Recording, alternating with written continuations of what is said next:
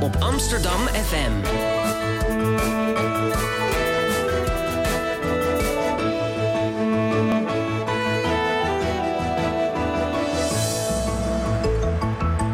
Radio Swammerdam. Oké, nou welkom luisteraar bij uh, een nieuwe aflevering van Swammerdam. We zitten even op een andere etage in een andere studio, een beetje chaotisch begin.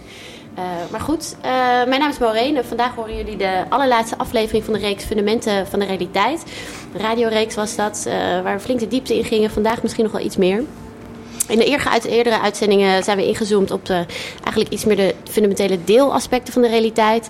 Bijvoorbeeld interacterende kwantumdeeltjes, moleculen en zelfs uh, de interactie tussen mensen hebben we heel eventjes aangestipt. Het is wel erg complex, dus daar hebben we een beetje van afgehouden.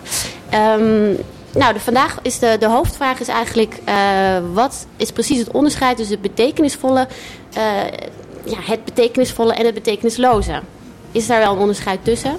Is er een God die dat onderscheid maakt? Of, of is het misschien een, lijkt het maar een onderscheid te zijn en is het eigenlijk gewoon een kwestie van complexiteit opschalen? Nou, pittige stof, maar uh, ik heb twee uh, slimme sprekers uitgenodigd. Aan de ene kant van mij zit uh, Pieter Adriaans. Hij is kunstenaar en hoogleraar artificiële intelligentie aan de Universiteit van Amsterdam. Welkom. Aan de andere kant zit Emanuel Rutten. jij bent wiskundige, filosoof en ook gelovige. Uh, dus al, al die facetten zullen terugkomen. Uh, verder zit ook aan tafel uh, Luc Brands, mijn co-host. Goedemorgen. Goedemorgen. Goedemorgen. we hebben geen columnist vandaag, want die is ziek. Maar Helaas. misschien vind jij het leuk om zijn column voor te lezen straks? ja, dat zou ik best okay. doen. Maar dan moeten mensen niet zijn woorden voor mijn woorden. Precies, dat we het vooraf even goed weten. Oké, okay, ik wil even beginnen bij Pieter om een beetje op de actualiteit in te haken. Uh, afgelopen week uh, kwam op verschillende media vooral voorbij over Claude Shannon. Mhm. Mm -hmm. Zelfs Google had er een doodle gemaakt waar je een mannetje met nulletjes en eentjes ziet uh, jong leren. ik denk dat weinig mensen die naam eigenlijk iets zegt, Claude Shannon. M maar sommigen vinden hem echt een soort Einstein. kan jij wat vertellen over hem? Nou, Claude Shannon is een van de grote mensen, grote grondleggers van de, van de informatica. Naast iemand als Alan Turing en nog een aantal andere mensen. Maar wat Claude Shannon bedacht heeft, en uh, ik, kan het wel even een beetje illustreren, is um, hele fundamentele dingen. De relatie tussen informatie en, uh, en waarschijnlijkheid en dat soort zaken. Worden hier allemaal en, objecten en de hoeveel, Ja, ik heb hier een, uh, twee dobbelstenen. Ik zal ze voor de luisteraars beschrijven. Eén gewone met zes kantjes.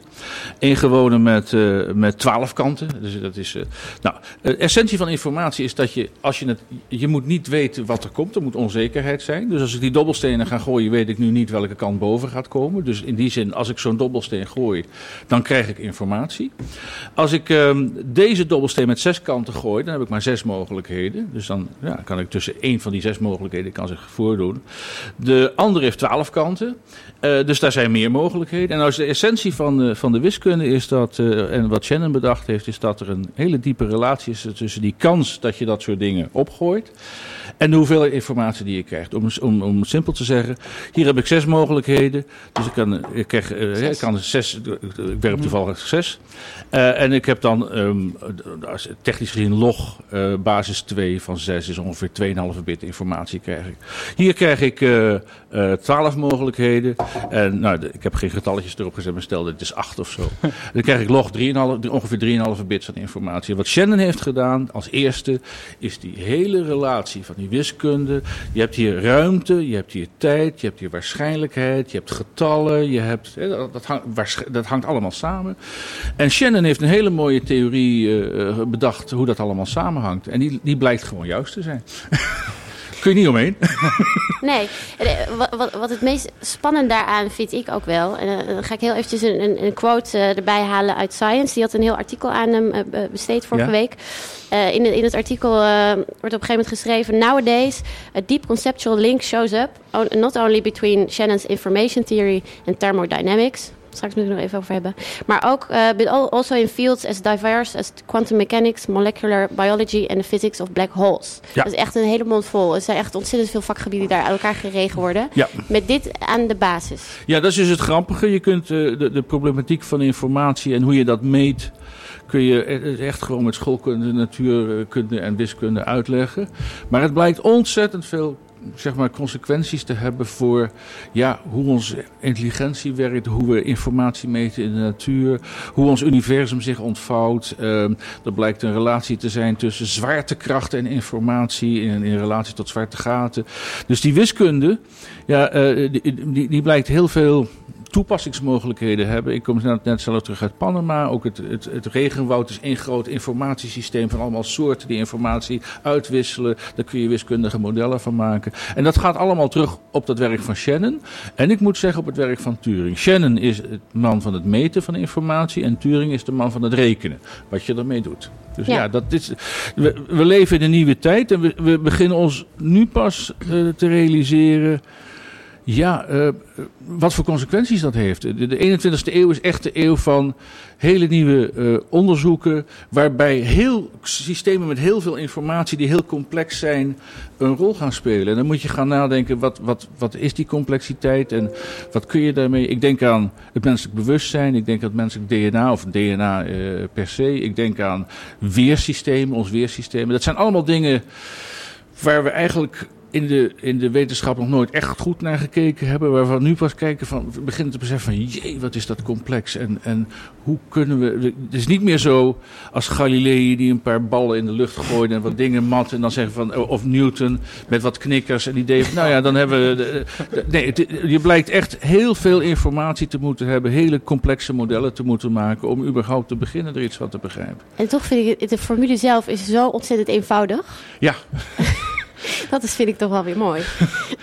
je kan er gewoon alles ingieten. Het, komt Nou ja. altijd, het heeft altijd te maken met hoeveel bits je aan een, de mogelijkheid van een situatie toedicht. Ja, je hebt De een aantal mogelijkheden. Je telt ze. En de Ja. lengte van het getal is de hoeveelheid informatie. Dat is, zo simpel is het. Ja. Nou, nou zei Shannon zelf wel daarover. Eh, Ik bedoel, hij, hij is ermee begonnen met het onderzoek om, om de telefooncommunicatie eh, makkelijker te krijgen. Daarom Dus heet het ook informatie. Hè? Daar kon hij makkelijk geld voor krijgen. Ja, ook dat. nou, hij gokte ook, hè. Dus Ja, hij, hij was ja, ja, nee, ja. Hij was ook heel succesvol met Ja. Blackjack. Maar ehm, even, eh, dat is een beetje irrelevant. Ja, wat hij wel daarover zei is... ehm, hij kreeg natuurlijk vaak de vraag van... Nou, je hebt een, mathematisch model voor communicatie bedacht. maar hoe zit het dan met betekenis? Is de betekenis van die communicatie belangrijk? Zei hij nee, that's irre- irrelevant to the engineering problem. En denken we daar nog steeds zo over? Of hoe... Nou, dat is een grote discussie. En er is nu een, enorme tak van filosofie aan het opkomen. De filosofie van de informatie. En eh, eh, er is een, de grote man daarvan is eh, Luciano Floridi. En Floridi zegt... Informatie moet altijd betekenis hebben. Het is betekenisvolle informatie. En ik moet eerlijk zeggen, ik ben het daar helemaal niet mee eens. Dus wij zijn een soort officiële tegenpolen in, in, die discussie. Maar ehm, eh, hoe. Kijk, een go- goed voorbeeld is. Ehm, die dobbelsteenvoorbeelden die ik net gaf en nog een aantal andere dingen. Als ik een hoop dampstenen hier door elkaar gooi, krijg ik veel informatie. Dus allerlei willekeurige processen genereren informatie. Eh, dat wil zeggen dat de meest informatieve radio-uitzending die wij nou zouden kunnen maken, is Witte Ruis. Daar zit het meeste informatie in. Ja. Dus op een of andere manier met die entropiemodellen missen we iets. Precies, ja. Dat, ik weet zeker dat mensen onmiddellijk... eh, Entropie moest, is trouwens wel leuk om dat toch even uit te leggen. Ja. want Dat is een heel boeiend begrip. Entropie is een heel boe- boeiend begrip. Het komt uit de, uit de, uit de eh, stoommachine eh, leer, zeg maar. En mensen hadden op een gegeven moment, eh, ja, die kreeg de rare vraag. Als je nou hete stoom in een cilinder perst, eh, dan gebeurt er iets. Dat die, al die atoommoleculen die botsen tegen zo'n piston aan, die gaat bewegen. Maar wat gebeurt er precies? En het blijkt dus zo te zijn dat eh, in feite krijg je meer wanorde in zo'n cilinder. Dus toen hebben toen een, een vrij moeilijk wiskundig begrip bedacht. De hoeveelheid ordening die je kan aanbrengen in een systeem kun je meten in termen van entropie. Ik heb er ook een voorbeeld van hier. Komt weer iets op tafel, dames eh, Een spannend doosje met een Kijk, een doosje hier. Dit is een doosje met Oh ja. dampstenen. Een doosje met gaat Mooie radio. vallen alle En eh, j- jij kunt nooit onthouden eh, hoe deze dampstenen liggen. Door te, misschien als je dat heel, ik heel een... eh, En dus ik heb nu heel veel informatie gemaakt met één, met één, eh, met één handeling. Dat is entropie, hoge entropie. Als ik ze allemaal netjes op een rij ga leggen, waar ik nu geen tijd voor heb, dan krijg ik een, een, een geheel geordende zeg maar, verzameling. En dat is een verzameling met lage entropie. Dus er is een verband tussen, je zou kunnen zeggen, jouw auto rijdt op entropie. Je hebt een, eh, eh, laten we zeggen, je hebt eh, eh, eh, grote eh, koolstofmoleculen, die zijn ooit eens ontstaan uit leven. Daar zit heel veel informatie in. Die worden gebonden met stuurstof, vallen uit elkaar. En dus er is een verband tussen energie, informatie, ordening, eh, mogelijkheden om dingen te onthouden. En de, de, de kernbegrip wat daar eh, zeg maar bij, eh, bij, bij een rol speelt, is dat begrip entropie. En daar kun je ook een getal aan geven. ehm, het, het, de aantal typische configuraties van damstenen wat ik hier op tafel kan maken door ze te gooien, dat zou je kunnen meten. Je zou kunnen zeggen, ik heb overal plekjes waar ze terecht kunnen komen en ik kan daar verdelingen van maken. Dat getal is de entropie van deze verzameling, de lengte van dat getal. En is het, is het nou zo dat de, de natuur zelf streeft naar orde of naar wanorde? Dat is ook een moeilijke vraag natuurlijk. Dan komen we in de, in, in, Ja, in, in de zeg maar de, het, het- de natuurkunde heeft daar een heel ander- antwoord op. De, de, de, wereld, de, de wereld van de dode natuur, de gassen en, en water en zee en lucht om ons heen en planeten. eh, op een of andere manier eh, neemt de entropie daar steeds toe. Dus er komt steeds meer wanorde, er komt steeds meer informatie in ons universum. Aan de andere kant heb je daar eh, het, le- het Betekenisloze leven, soorten die ontstaan, zelforganiserende processen. En ik moet zeggen dat ik, dat ik als informaticus eh, ja, toch wel denk dat er, er zijn zoveel zelforganiserende processen in ons universum gaan. Dat je niet hele. Dat is, een, het is een open vraag. Maar het is een van de meest fundamentele vragen die je kunt stellen in de wetenschap. Op Dat dit denk moment. ik ook, ja. Dan ga ik even naar de, de andere spreker, Emmanuel Rutte. Goedemorgen. Goedemorgen. Eh, je hebt nu even zitten luisteren hiernaar. Eh, hoe, hoe zie jij, zo, zowel als filosoof, eh, als wiskundige, maar ook eh, misschien als gelovige, hoe kijk jij naar zo'n aanpak om, te, om, om, om zeg maar vanuit zo'n fundamenteel beginsel te gaan kijken? Dat in- informatie een soort fundamentele bouwsteen zou kunnen zijn, zo'n wiskundig model. Nee, het lijkt me uitermate nuttig om inderdaad informatietheorie te beoefenen. En, dat zie ik onmiddellijk in. En ehm, dat leidt tot hele interessante en fascinerende vraagstukken, zoals Pieter net heeft uitgelegd. Überhaupt in de wetenschap probeer je toch met een bepaald model te komen, een bepaalde bril op te zetten om de wereld te beschouwen. En je kiest een bepaald perspectief. Eh, en in de laatste decennia is inderdaad er een nieuw, tussen haakjes, perspectief bijgekomen. Het, het informatietheoretische perspectief. Waarmee we naar de wereld kunnen kijken. En waarmee we kunnen trachten om allerlei verschijnselen te verklaren. En dat lijkt me buitengewoon vruchtbaar. En het levert inderdaad hele interessante eh, inzichten op. Moeten we natuurlijk wel tegelijkertijd er ook voor waken dat we zo'n perspectief niet gaan verabsoluteren. Dat gebeurt vaak. Ja. Hè? Dan krijg je een soort reductionistische aanpak. Dan, dan denkt men, hé, hey, we hebben succes met, dit, met deze theorievorming. Misschien is alles al informatie.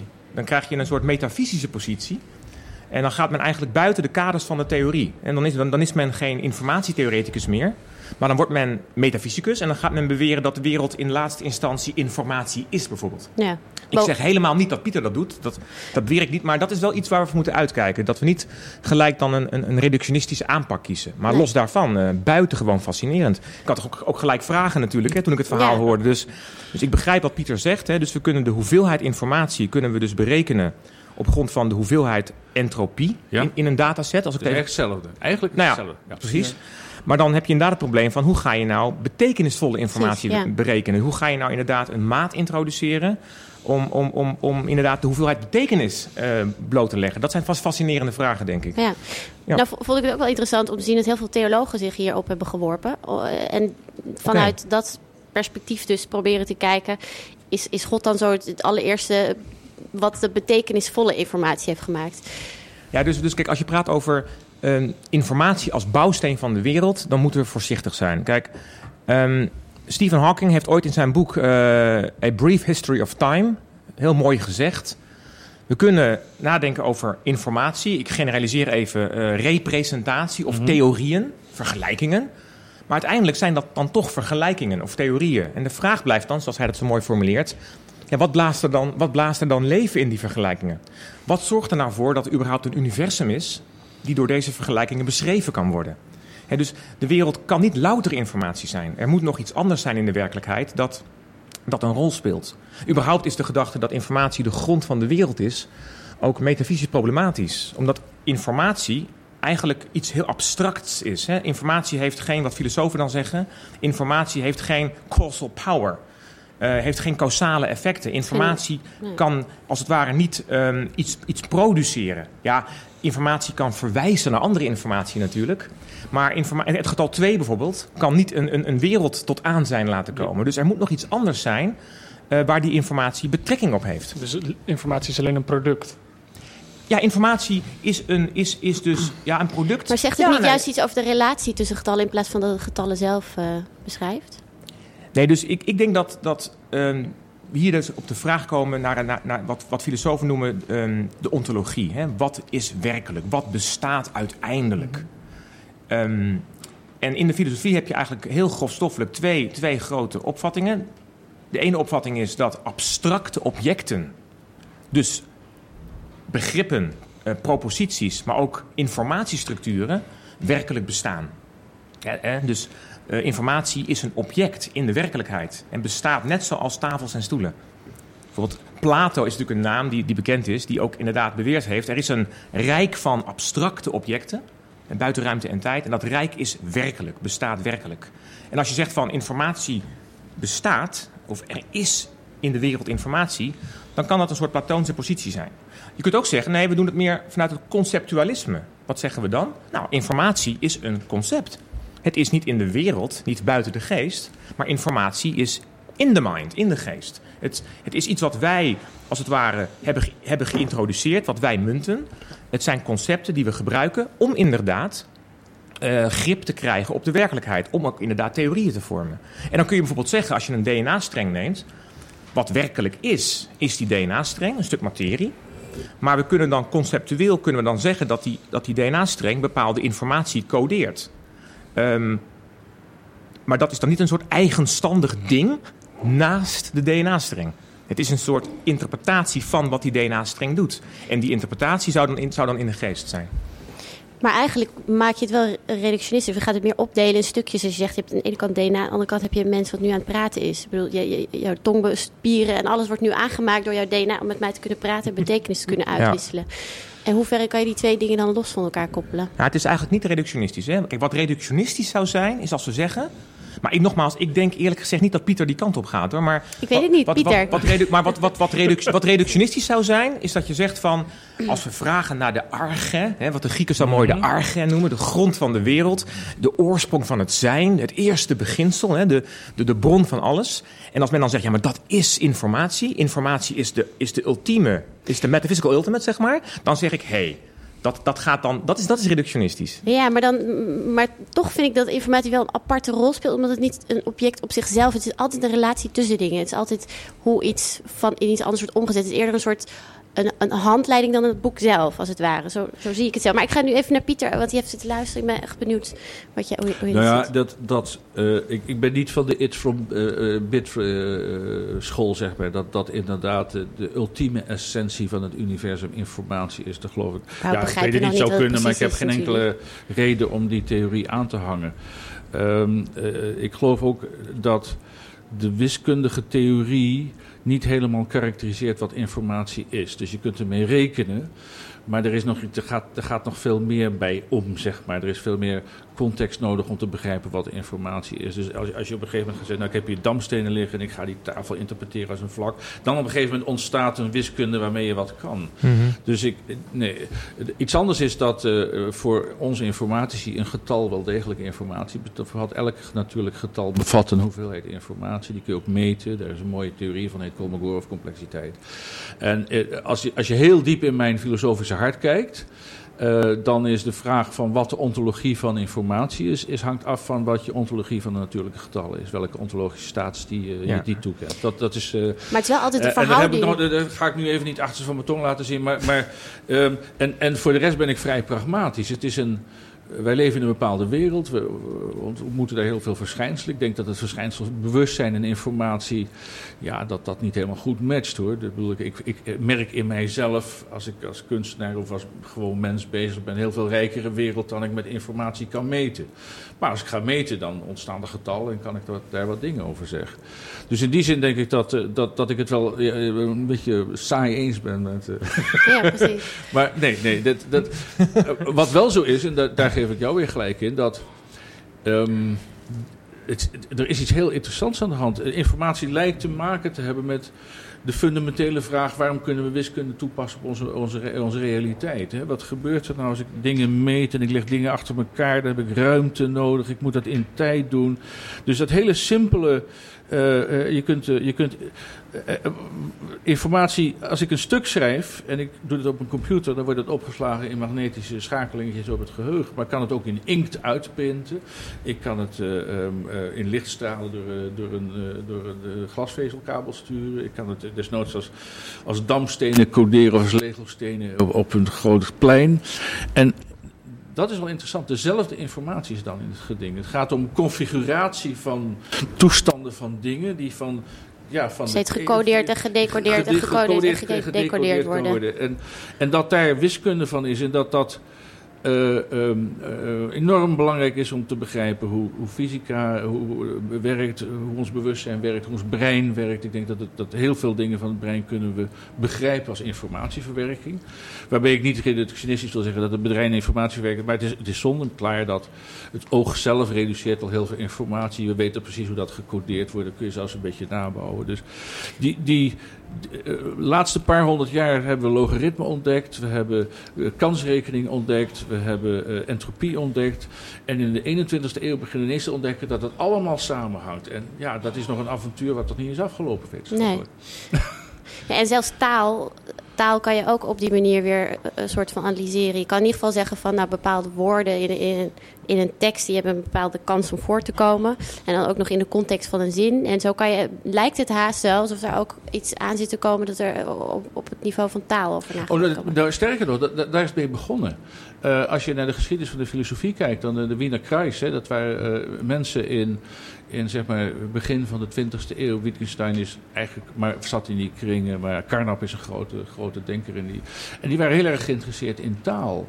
En een groot deel van de moderne informatietheorie komt voort uit het werk van die filosofen die zeggen van.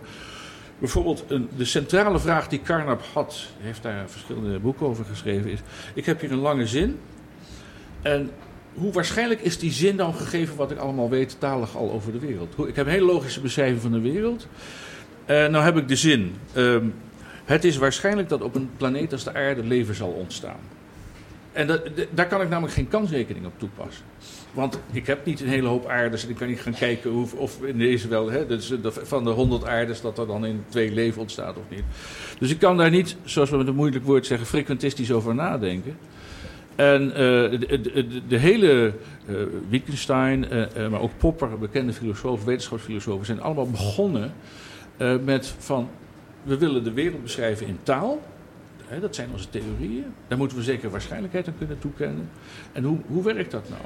En dan zegt Popper bijvoorbeeld, sommige mensen zullen wel de asymmetrie tussen verificatie en falsificatie kennen. Dus je kunt een, een, een theorie als alle zwanen zijn wit e- falsifiëren door één zwarte zwaan te zien. Maar je kunt hem nooit verifiëren, want je, je- ja, je, je kunt oneindig veel zwanen zien. Er kan altijd een zwarte zwaan nog opduiken.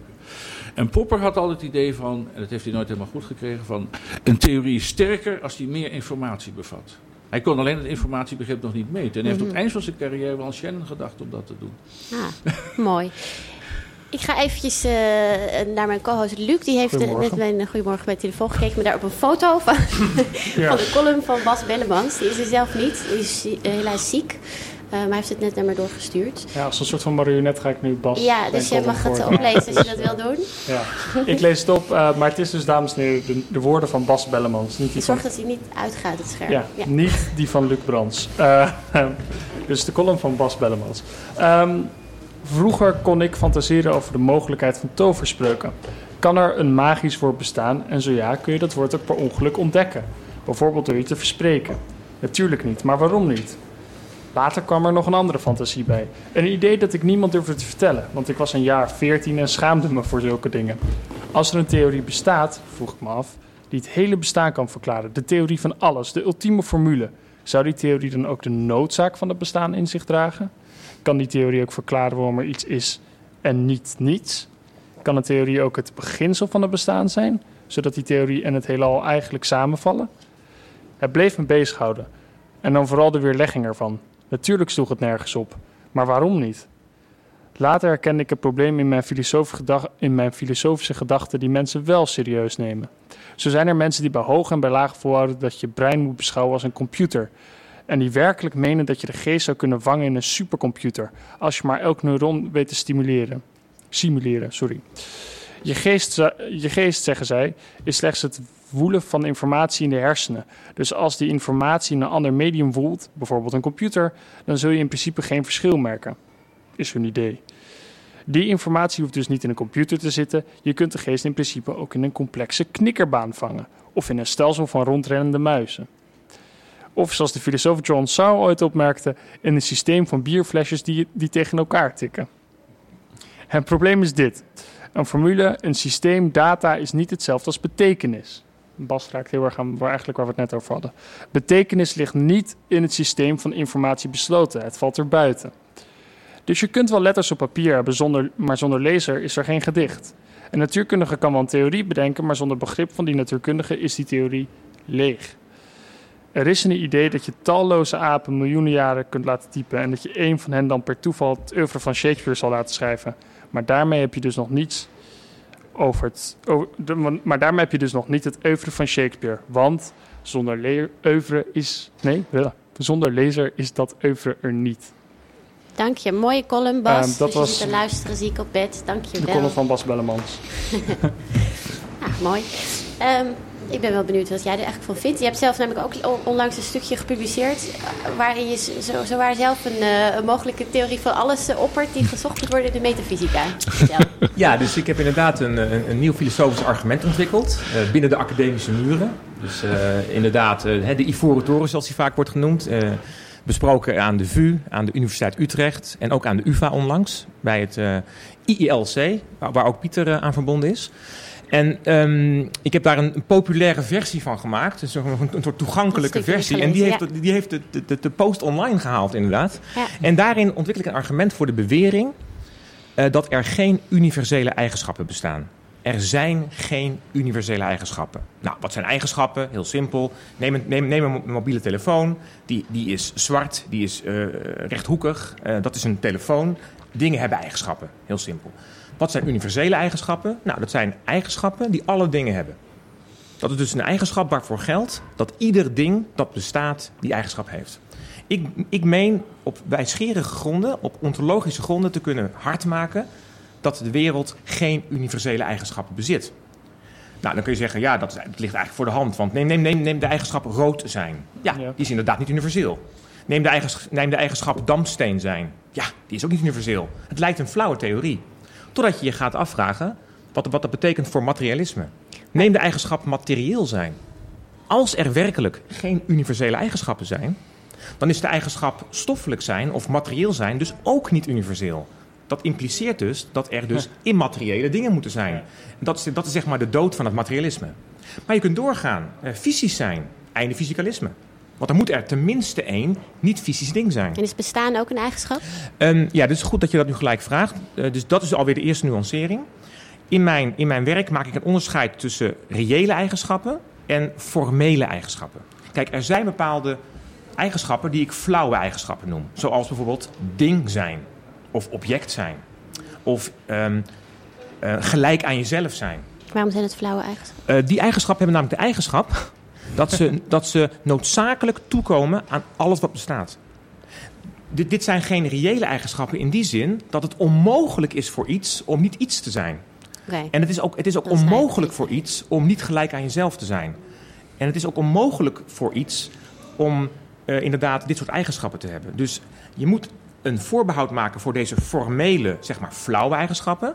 En je moet gaan kijken naar de, wat ik dan de reële of de interessante eigenschappen noem. En dat, dat, dat zijn dus eigenschappen waarvoor geldt dat het op zijn minst mogelijk is dat iets het niet zou hebben. En Dus je hebt altijd tegendelen van elkaar. Je hebt altijd ja, een, een, dus, dus, een- dus eh, dingen als bijvoorbeeld fysisch zijn of materieel zijn. Kijk, dat zijn geen formele eigenschappen. Het is niet zo dat op grond van de formele logica kan worden besloten dat alles noodzakelijk materieel is. Zie je? En dan is de vraag: oké, maar wat is nu het antwoord? Is nou alles uiteindelijk materieel of niet? Nu, als mijn theorie klopt, dan is dat niet dan zo. is dat gewoon onwaar. Nou, is, is dit, dit is een, eh, een, een, een, ja, behoorlijk... Er gaat veel stof eh, op wa- waaien, denk ik. Net zoals een eerder argument van jou. Argument, Ja. Ja, oh, wat- ja, tuurlijk. Wat zijn de reacties eigenlijk die je hierop hebt gehad? Want ik kan me- Ja, dus ik heb het eerst eh, in, in, eigen kring, eh, in eigen kring natuurlijk eh, eh, besproken aan de VU. Ja, men, men, men probeerde natuurlijk, eh, zoals filosofen dat ook horen te doen... men probeerde die, die, die theorie uiteraard gelijk te weerleggen. Dat is, de, Ja. dat is de gezonde kritische houding. Die heb ik ook zelf aangenomen. Toen ik het zelf ontdekte, dacht ik van wacht eens eventjes. Hier, moet iets, hier gaat iets niet goed, weet je wel. Maar dus, dus dat heb ik eerst in eigen kring besproken. Daarna ben ik naar de eh, Universiteit Utrecht gegaan. En ook daar eh, waren hele goede discussies, maar men slaagde er niet in om met een tegenvoorbeeld te komen. Mhm. In Pieters woorden, men slaagde er niet in om het argument te falsificeren. En dat is uiteindelijk aan de UvA is dat nog een keer herhaald. Eh, Johan van Bentum, beroemd logicus, heeft mij gevraagd om het argument aan de UvA te presenteren. Ook daar een hele interessante middag gehad. En opnieuw was de slotconclusie ja, fascinerend argument. We krijgen geen spaak in dat wiel. Dus het argument staat nog. Ja. Het staat gewoon nog. En eh, een, een van die premissen natuurlijk van het argument is wel dat, dat het mogelijk is om echt betrouwbare universele uitspraken te doen. Is dat, is dat Even kijken. Ehm, kan je altijd, kunnen wij als mens, of eh, laat ik het even simpliceren ook Ja? voor de luisteraar, kunnen wij gewoon als, als, als met ons brein Oh, wat ja. we nu hebben, kunnen we wel überhaupt, op, Ja. op- is onze logica wel zo sterk om, om, om echt iets over de werkelijkheid buiten ons, als die er is, Ja. te zeggen? Nee, dus, dus kijk, dus als je dus eh, bi- biologie bedrijft, of scheikunde, of, of natuurkunde, of wiskunde, of inderdaad filosofie, dan vertrek je vanuit de optimistische aanname dat, je, dat wij met ons denken iets over de wereld kunnen zeggen. Als je daar niet vanuit wil gaan, ja, dan kun je ook niet eh, biologie gaan bedrijven of filosofie gaan bedrijven. Dan kun je, Nee. nou ja, dan kun je eh, gedichten gaan schrijven of, of hele andere leuke dingen gaan doen. Dus de, de basisgedachte is, wij mogen ons verstand gebruiken. Hè. Kant zegt zo mooi, sapere oude, durf te denken, heb de moed om te denken. Wij mogen ons verstand gebruiken en we mogen proberen om met ons verstand inzicht te krijgen in de wereld. En dat is een soort basishouding die, die ik als filosoof ook heb. Vervolgens ga ik dan redeneren en neem ik een aantal premissen, een aantal uitgangspunten. En de gedachte is dat het argument wat ik ontwikkeld heb, wat ik het semantisch argument genoemd heb, dus betekenis speelt daar een hele belangrijke rol, Ja. Ehm, dat die premissen heel erg plausibel zijn. Dus ik claim plausibiliteit. Iemand die mijn premissen leest, daarvan claim ik dat hij zegt van ja, dat zijn wel vrij veilige aannamen. Die durf ik wel, Ja, die durf ik wel te accepteren. En dan het gevolg daarvan is gewoon heel is leuk. vergaand. Is ja. vergaand. Ja. Ja. Wat denk jij ervan, luisteren? Nou, ik heb, ten eerste moet ik de details kennen. Want ik bedoel, eh, eh, zo, zo, het komt inderdaad, ik wil niet zeggen triviaal over, maar de discussie is natuurlijk heel oud. En eh, Kant heeft al gezegd, existentie is geen predicaat bijvoorbeeld. Dus de, de, de, de- de- deze discussies zijn... zijn maar ik, ik, ik ben heel benieuwd hoe het technisch in elkaar zit. Dus dat zou ik eerst moeten bekijken. De, de conclusies zijn wel sympathiek. Ik, ik hou niet van die universeel reductionistische uitspraken. Ik geloof ook dat, dat ze... Ja, als, als iemand zou kunnen aantonen dat hij, dat hij een beetje zeg maar, inconsistent zijn, dan, dan zou me dat wel lief zijn. Die, die, zo van alles is materie of alles is economie. Of dat zijn, dat zijn type, typisch van die. Of iedereen is eigenlijk egoïst. Dat zijn van die typisch van die uitspraken die. Die discussie altijd doodslaan, maar die, wel heel, die je nog heel vaak hoort in, in de wetenschap en, en ook in de politiek. En, en eh, het is vaak een soort retoriek van eh, daar moet je aan houden, je mag niet, niet buiten deze kaders treden. Dus ik vind het een heel, heel sympathiek eh, Ja, dus- project. En, en ik, ik zou graag de details lezen. Dus ik kan daar nu, maar ik kan niet zeggen dat ik het. Inhoudelijk kan ik verder geen kritiek leveren of iets dergelijks. Begrijp ik helemaal. Nee, maar wat, wat een gevolg zou zijn, is dus niet alles is informatie. Nee, precies. Nee, nee, er dat moet is- dus iets in de, altijd dus als, dus er moet iets in de werkelijkheid zijn Precies. dat ontglipt aan het informatieparadigma. Dat niet kan worden begrepen Ja. als zijnde informatie. Ja, ik me wel Als ik gelijk heb. Hè? Ja, wat ik me wel kan voorstellen is als, als je het, het van alles, allemaal van die alles is. En je hebt dus op een gegeven moment je hebt een, een, een wereld van entiteiten waar je, over, waar je dit soort dingen over gaat zeggen. Ik zal het even proberen. En, dus die kan oneindig zijn. En eh, ik kan me voorstellen dat op het moment dat je. Dat is ook als informaticus, eh, eh, kan ik me daar. Als een, als een, een predicaat, ik, ik denk in getallen. Als een predicaat van toepassing is op alle getallen, betekent het niks.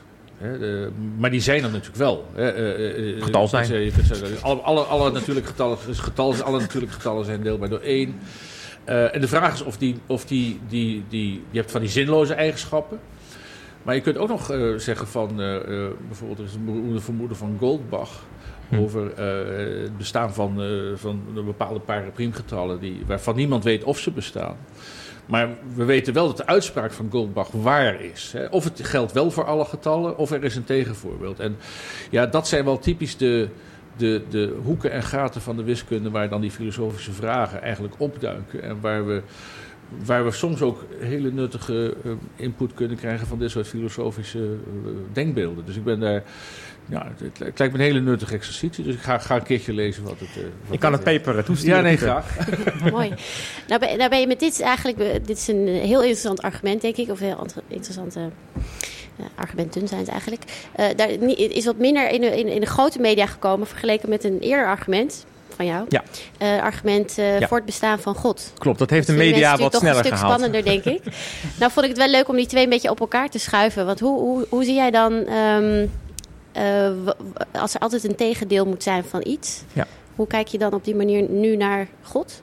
Nee, het aardige is dat, kijk, dus als er geen universele eigenschappen zijn, dan, dan gaan heel veel ismen gaan down the drain. Fysicalisme gaat het dan niet halen, alles is fysisch. Materialisme gaat het niet halen. Naturalisme gaat het niet halen.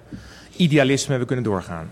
Maar theïsme overleeft dit filter.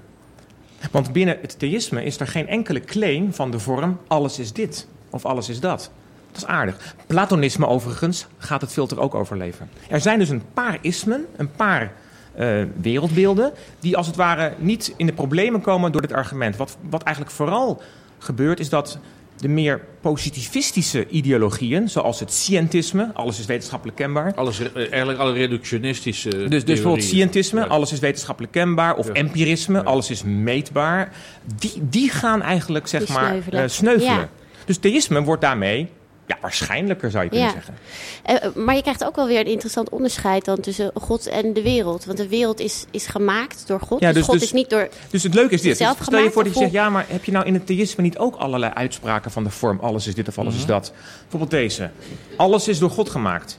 Ja, maar er is één entiteit God waarvoor zelf. geldt dat die niet door God gemaakt is. God zelf. Nee. Ehm, zie je dus... dus maar ik dacht altijd dat God zichzelf...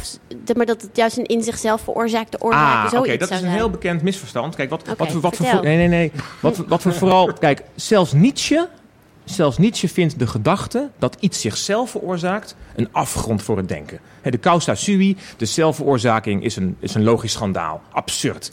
Want immers, om jezelf te veroorzaken, moet je er al zijn. Ja, Maar dan hoef je jezelf niet te veroorzaken. Dus zelfveroorzaking, dat doen we niet aan. oké. Dus wat we zeggen is dat God onveroorzaakt is. En God is onveroorzaakt en God bestaat metafysisch noodzakelijk. Dan zeggen we zo mooi in het Engels: God exists by virtue of its own nature. Dus God is een noodzakelijk bestaande entiteit, die dus onveroorzaakt is en die de directe of indirecte oorzaak is van alle andere entiteiten. Het leuke is dat je met mijn argumenten ook onmiddellijk een aantal verrassende implicaties krijgt. Eh, bijvoorbeeld deze. Zijn er onveroorzaakte objecten in de wereld? Ja, want de eigenschap veroorzaakt zijn Het moet altijd het tegendeel hebben. is niet universeel. Er moet tenminste één onveroorzaakt object zijn. Of deze. Zijn er noodzakelijke objecten in de wereld? Ja, want de eigenschap contingent zijn is niet universeel. Er moet tenminste één noodzakelijk object zijn. Dus je krijgt een ontologie die eigenlijk... In feite krijg je de hele wereld weer terug zoals, zoals we die klassiek altijd geloofd hebben. Je krijgt gewoon de hele wereld weer terug. Met een pla eh, Met één Plato eh, met zijn abstracte... Platonisme, het is ook een argument voor Platonisme. Ja. In die zin, en dan rond ik af hoor, dat dus inderdaad, kijk, Plato zegt, of een, een moderne versie van Plato is dit: er bestaan abstracte objecten. Naast concrete objecten die causale vermogens hebben, die we kunnen concretiseren, bestaan er ook abstracte objecten. Ja, Plato heeft gelijk, als mijn argument klopt. Want de eigenschap concreet object zijn is niet universeel. Er moet dus tenminste één niet concreet object zijn. Er moet tenminste één abstract object zijn. Dat is Platonisme. Dus alles wat je maar mogelijk kan zijn... in, in alle mogelijke tweesplitsingen bestaat, als het ware. Heel erg simplificatie. Ja, dat is, Maar goed, maar ik denk dat ja. wat, wat ik wel nog leuk vind, eh, toch om nog heel eventjes... Ja. eh, want ik zat ook dus over het godsargument dat ik veel te lezen. En toen vroeg ik me eigenlijk af, Ja. zegt het ook nog iets over het karakter dan van God? Is hij al Nee, helemaal niet. Of, Nee, dat, dat argument. Kijk, een één filosofisch argument kan je maar zoveel geven. Je kunt van één filosofisch argument niet de hele wereld verwachten. Maar ik, ik zag ja ergens dat je opgeschreven, dan moet hij niet alwetend zijn. Dat kan Ja, als dus, dus, dus het, het, het, het, het argument wat ik geef leidt tot de conclusie dat er een bewust wezen bestaat. Dat onveroorzaakt is. En dat de directe of indirecte oorzaak is van al het andere. We krijgen een immaterieel. En hoezo met bewustzijn? Ja, dus Maar- ik heb, ik heb bewustzijn nodig. Oké. Dus het argument, het wordt heel technisch, maar het, de conclusie is We hebben nog werkelijk. zeven minuten. De conclusie is werkelijk dat als je de premisse accepteert van dat argument, dan krijg je de existentie van een bewust wezen dat, dat de grond van de wereld is. En het heeft te maken met die premissen die ik gebruik, die over kennis gaan. En ik heb dan inderdaad ook met. Ik werk dan met kenactoren, kennende subjecten. En ik krijg de existentie van tenminste één kennend subject. Oké, Beetje een technisch kennend allemaal. subject. En dat heeft dus te maken met een bewust wezen dat Ja. iets weet. En dan eh, wil ik nog eventjes over naar Pieter, want je bent hoogleraar kunstmatige intelligentie. Ja. En we hebben echt heel kort, eh, ik zou nog wel een uur willen praten, maar ehm, een bewust wezen, eh, dat vind ik toch leuk om nog even naar de toekomst te kijken. Denk jij dat, dat, dat het bewustzijn ooit in een, in een, eh, in een, eh, in een, in een andere vorm, in een machine gerealiseerd gaat worden? Ehm, ja, vind ik een moeilijke vraag. Ik, ik, het, het, laten we zeggen, twintig jaar geleden had ik on- onvoorwaardelijk ja gezegd. Dus ik ben, ben daar eh, wat van teruggekomen. Het, het, is, het blijkt ontzettend complex te zijn, maar ik sluit het eigenlijk niet uit. En de grote, en dat is, daar zit ook wel een, een, een, een, een nou, levensbeschouwelijk aspect aan. De grote kernvraag voor mij is... eh, is een wezen absoluut vrij om beslissingen te nemen? Hm. Dat, dat is het niet deterministisch. En, eh, eh, dus eh, kan ik op een gegeven moment zeggen: ik wil deze steen hier neerleggen of hier neerleggen? En heb ik die vrijheid? En de, de vraag is: ik- denk zelf wel dat als, als we wezens kunnen creëren, robots. Die ehm, zeg maar, zichzelf kunnen voelen, modellen van zichzelf kan han- hanteren, modellen van anderen.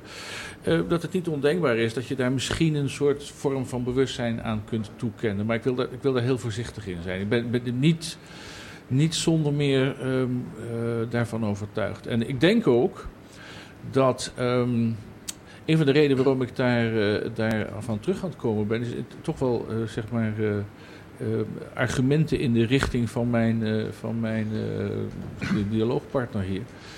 Ehm, het is vreselijk complex. En de vraag is eh, of, het, of wij in dit universum voldoende zeg maar, eh, bronnen kunnen aanboren en voldoende begrip kunnen opbrengen om zoiets te construeren. Dat, dat, Hm.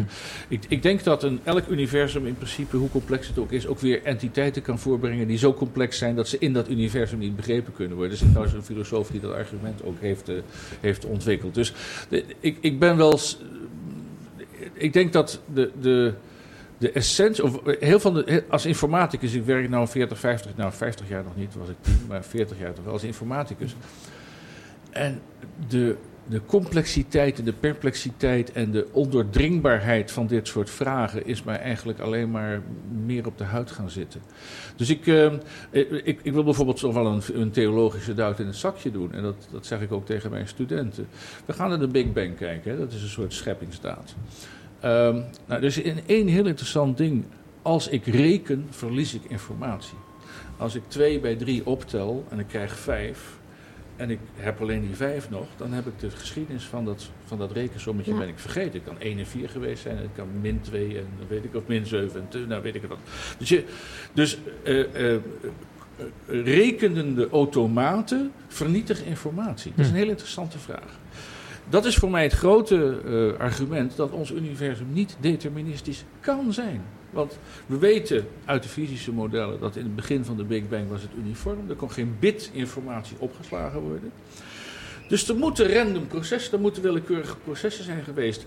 Of eh, God heeft een bandrecorder staan en die speelt het hele universum af. Maar dat lijkt me ook geen prettige eh, consequentie als. Dus ik, ik geef toe dat het nadenken over informatie. Nou, zou ik, nou, nou ben ik nog niet zo ver dat ik ga geloven in een bewuste schepper. Want dat is voor mij. eh, nou, nou, zou het een inter- interessante gedachte kunnen het erover hebben. Maar eh, het, het, het scientistische idee dat er is een Big Bang, het ontvouwt zich. En eh, al die betekenisvolle informatie, eh, die ontstaat er allemaal en we begrijpen. Nee, ik denk dat de, de, de informatiemodellen die je kunt maken van het universum laten zien dat we eigenlijk nog maar heel weinig begrijpen van hoe zo'n evolutionair proces in elkaar zit. Als je daarin wilt plaatsen, je hebt een religieuze eh, geest van er is een soort continue scheppingsdaad eh, gaande. Nou, dan, dan is het in ieder geval consistent met mijn idee. Ik zeg niet dat ik het dat ik daarmee eens ben, maar oké. Nou, prachtig. Ik moet het afronden hier. Het is wel een mooie samenkomst zo. Ja, we hebben nog één minuut en ik moet natuurlijk nog even helemaal vertellen aan de luisteraar waar het allemaal terug te luisteren is. Oh, oh oké. Henk. Dan wil ik toch nog even jouw reactie horen. Ik heb nog één minuut plus een eindtune. Oké. Wat, na dit verhaal, eh, kan je daar kort nog op reflecteren? Nee, mijn reactie is, nou ja, dus ik, ik ben het dus eens met Pieter ook weer... eh, dat inderdaad bewustzijn eh, een heel complex fenomeen is... dat we niet zomaar kunnen reduceren tot een informatiestructuur... en dan maar kunnen gaan nabouwen bouwen in een machine. Ik denk dat bewustzijn iets eigenstandigs heeft, iets eigensoortigs heeft. Die ervaring van de geur van verse koffie... van het zien van de blauwe hemel, van het voelen van verliefdheid... dat zijn toch fenomenen die ik niet herleidbaar zie tot alleen maar informatiestructuren. Dat is één. En de gedachte dat niet alles deterministisch is... Ja, om dan af te sluiten. Dus inderdaad, als we dus inderdaad uitgaan van de gedachte dat eh, er geen algemene universele eigenschappen zijn, dan kan überhaupt niet alles deterministisch zijn. Dan moet er dus iets zijn dat niet deterministisch is en dat zou voor mij de vrije wil zijn, die dus werkelijk is, werkelijk bestaat en moet bestaan. Oké, nou, dat was het einde. We gaan Leuke afronden. discussie. Dankjewel. Dankjewel allebei. ja. Pieter Adriaans, Dankjewel. Emmanuel Rutte en eh Luc Brands die de column van Bas Belleman heeft De stem van gelezen. Bas Bellemans. Ja. We zijn eh, terug te luisteren op allerlei mogelijke manieren. iTunes, ehm, Soundcloud, Twitter, Facebook, Stitcher, Stitcher. binnenkort Google Podcast. Ik Ehm. weet het niet allemaal. Maar dit, dat kan allemaal met de technologie, informatietechnologie. Dankzij Shannon. Jaren 50 begon het allemaal. Nu kunnen we alles opslaan en naluisteren. Dus eh geniet Reacties, ervan. reacties kunnen naar reactie.radioswammerdam- radioswammerdam.nl. En dat is dus met een S, niet met een Z. Dat gaat nog eens. En dit was de laatste aflevering eh, dus van de fundamenten van de realiteit. Ik hoop dat we iets meer, of misschien denk ik eigenlijk juist iets minder van begrijpen, zoals altijd. Maar eh, dit was het. Bedankt voor het luisteren. Volgende week hebben we nog een, uit, hebben we Nog nog een oh uitzending in het dossier Groen. Dat gaat over dieren en ecologie dan. Eh, over dieren in Amsterdam en andere ecologie. Eh, de gast houden we nog even geheim, want daar zijn we nog mee bezig. Ehm, maar graag horen we u, of willen we dat u volgende week weer luistert. Dankjewel. Tot volgende week.